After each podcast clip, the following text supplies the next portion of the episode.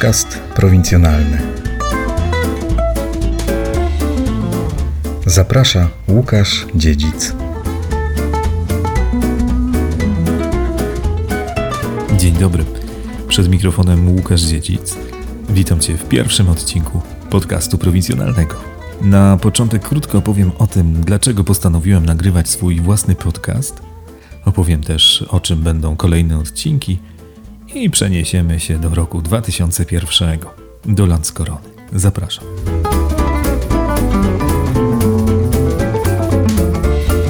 Przez kilka lat podróżowałem z mikrofonem po różnych zakątkach Małopolski jako reporter Radia Kraków.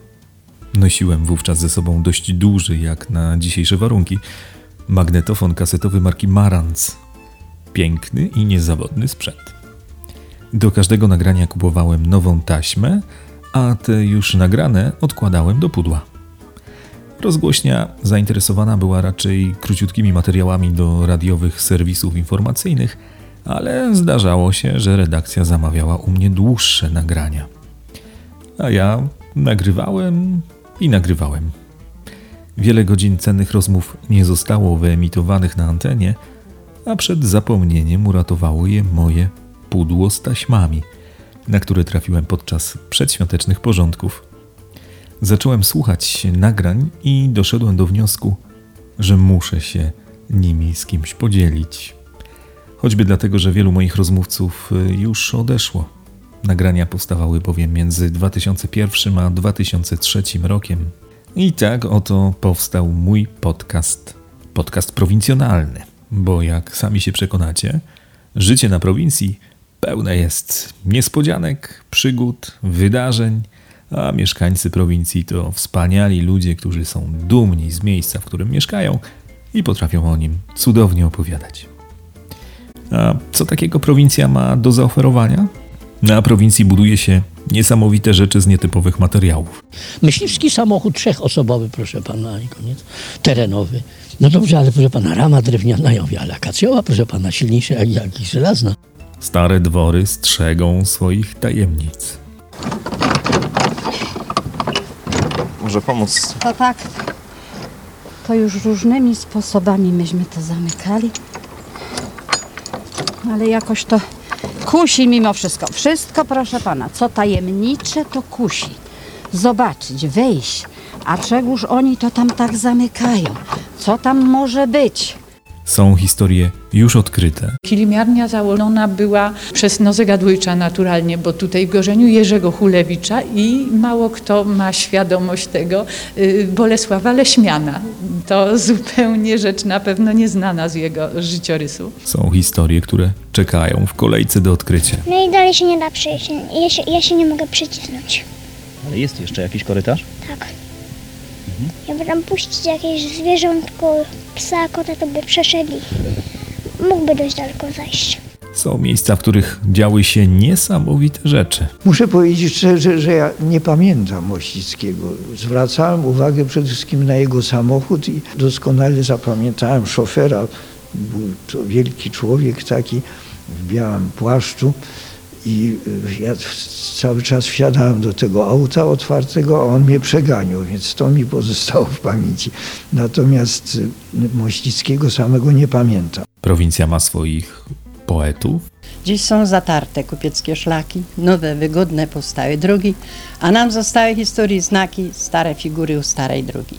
czasem wydarzy się tragedia, No i legli mnie tu, a tu wiedza to stekać znów z powrotem. A tu przyszli przed dom i zaczęli walić siekierami, łobuchami we drzwi, żeby ich puścić. Ja nie puściłem, bom się bał. Tak Przyszli przed okna i zaczęli bić tu poromak w oknie, że jak nas nie puścicie, to wleżymy.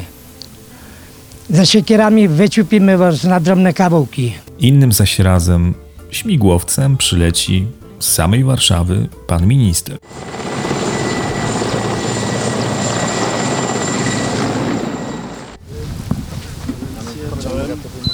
Witam pana ministra. To co?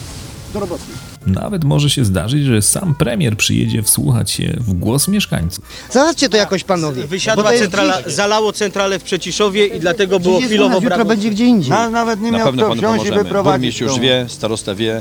I Dziękuję i bardzo. uruchomiliśmy duże środki finansowe, naprawdę. Rozumiem, bo to nie jest tylko u nas, to jest kwestia całego pana, to kraju. jest w całym kraju, w wielu miejscach. I Nie dlatego jesteśmy się- w stanie trafić od razu do dziesiątków tysięcy ludzi. I dlatego się nie dziwię, że jest tak, Życzę, jak- życzę, żeby to się wszystko szybko Dziękuję bardzo. ułożyło i proszę się zgłosić również po zapomogę.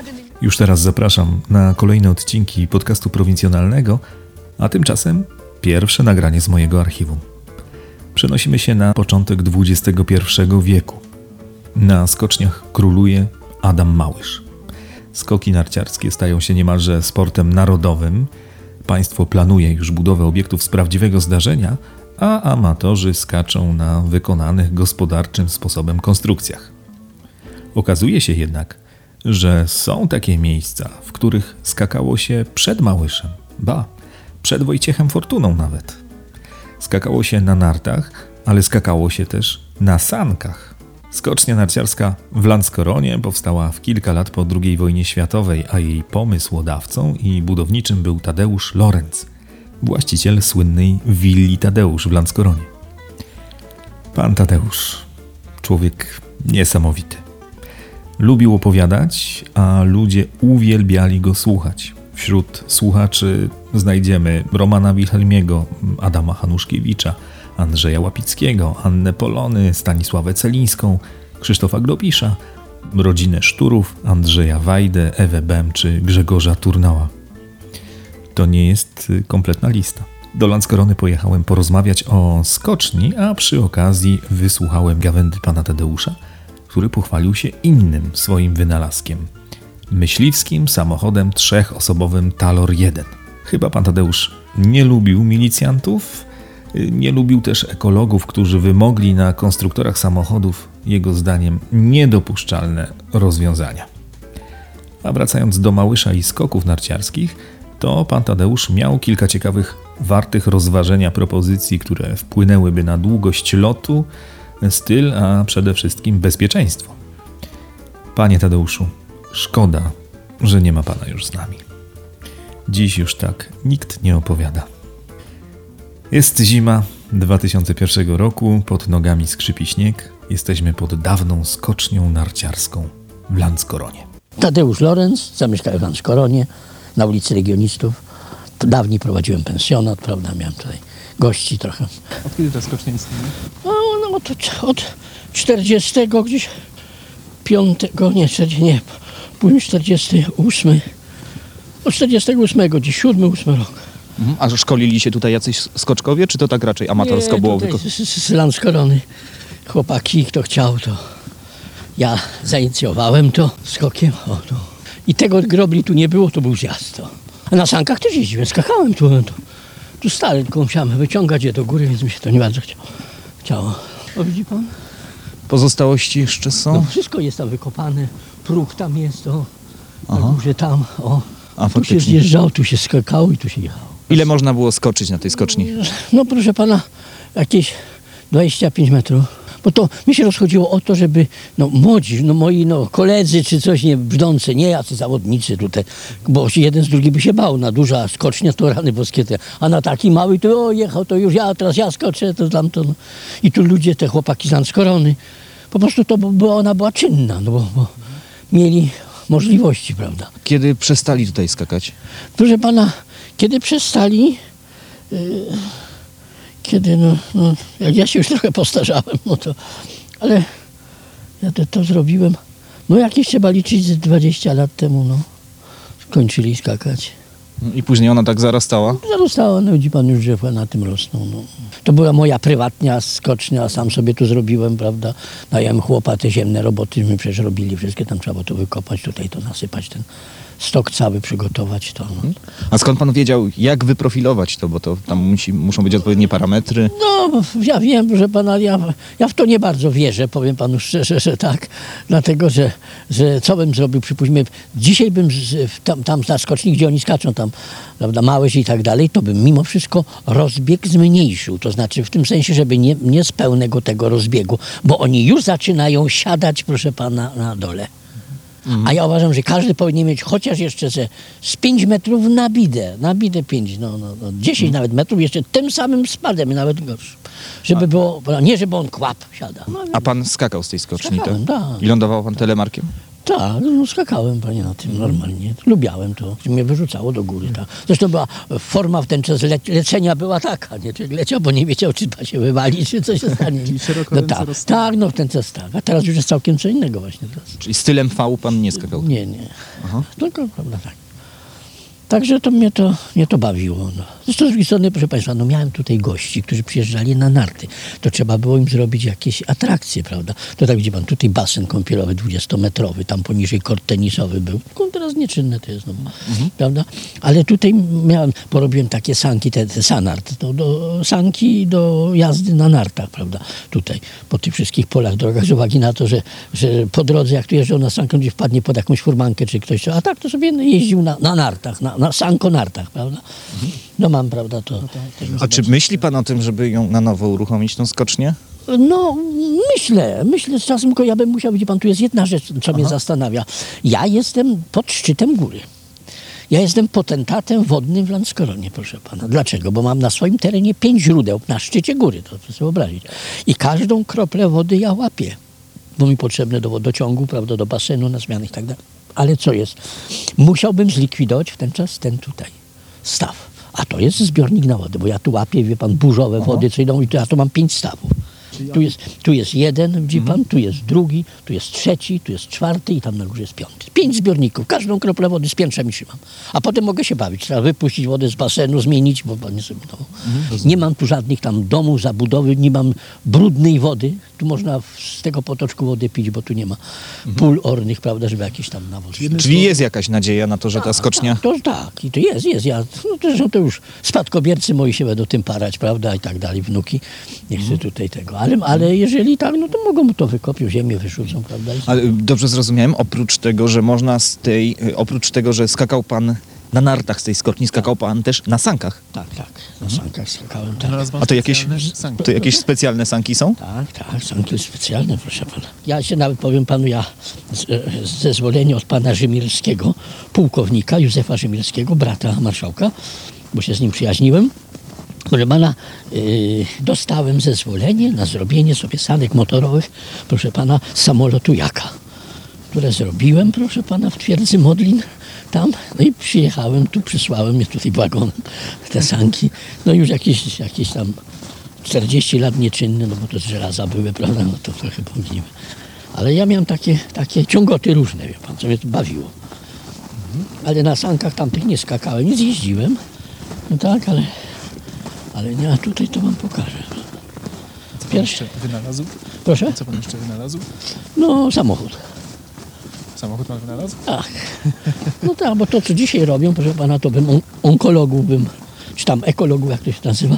W każdym razie, proszę pana, bardzo za uszy pociągnął, proszę pana, że, że zezwalają na, na uruchomienie takich. No co to panie, co to, samochód cholera. Samochód, proszę pana, powinien mieć rurę wydechową do góry, tak jak traktor. Szyby powinny być dwie na przodzie, takie łamane, żeby w środku ta rura wydechowa szła do góry. Proszę pana, potem ruchomy reflektor. Nie, nie puszczać do ruchu, proszę pana, takich samochodów.